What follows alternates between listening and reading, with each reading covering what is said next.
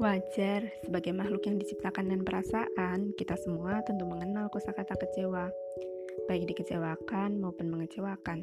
Beberapa manusia tentu pernah berada di antara keduanya. Kita semua tentu tahu bagaimana rasanya dikecewakan oleh ekspektasi yang kita bangun sendiri.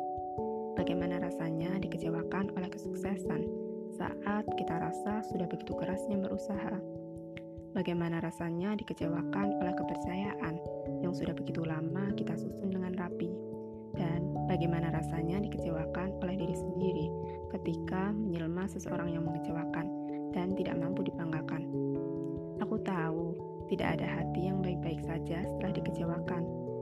Kerap kali rasa kecewa mampu membuatmu berputus asa, bahkan hingga kehilangan harapan.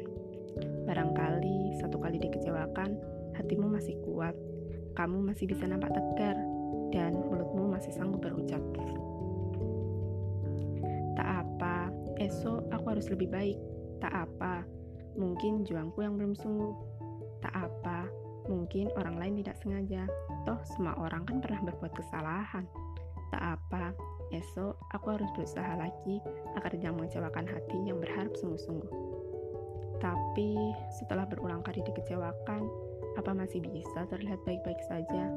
Apa masih bisa pura-pura tegar? Tidak bukan, aku tahu jawabannya tentu tidak. Karena aku juga begitu. Aku sama sepertimu. Pernah mengecewakan dan pernah dikecewakan. Aku juga tahu kamu pasti lelah. Kamu ingin menyerah bukan? Kamu ingin menyalahkan keadaan atau kamu ingin marah? Seringkalinya hatimu lantang berteriak, apa Tuhan tidak bosan memberiku rasa kecewa?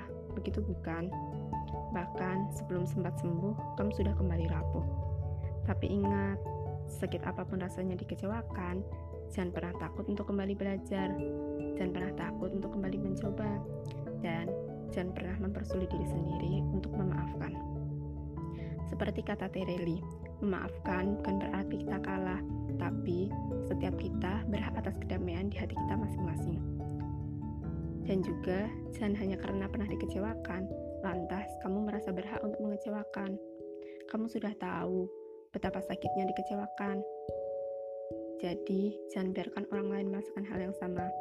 Tapi tenang, tidak melulu kamu kok yang selalu dikecewakan. Aku, dia, mereka, kita semua mengenal apa itu kata kecewa. Jadi sekarang jangan sedih ya, kamu tidak sendiri kok. Mari sama-sama belajar menata hati yang sudah dikecewakan, dan mari sama-sama belajar menata diri agar tidak mengecewakan.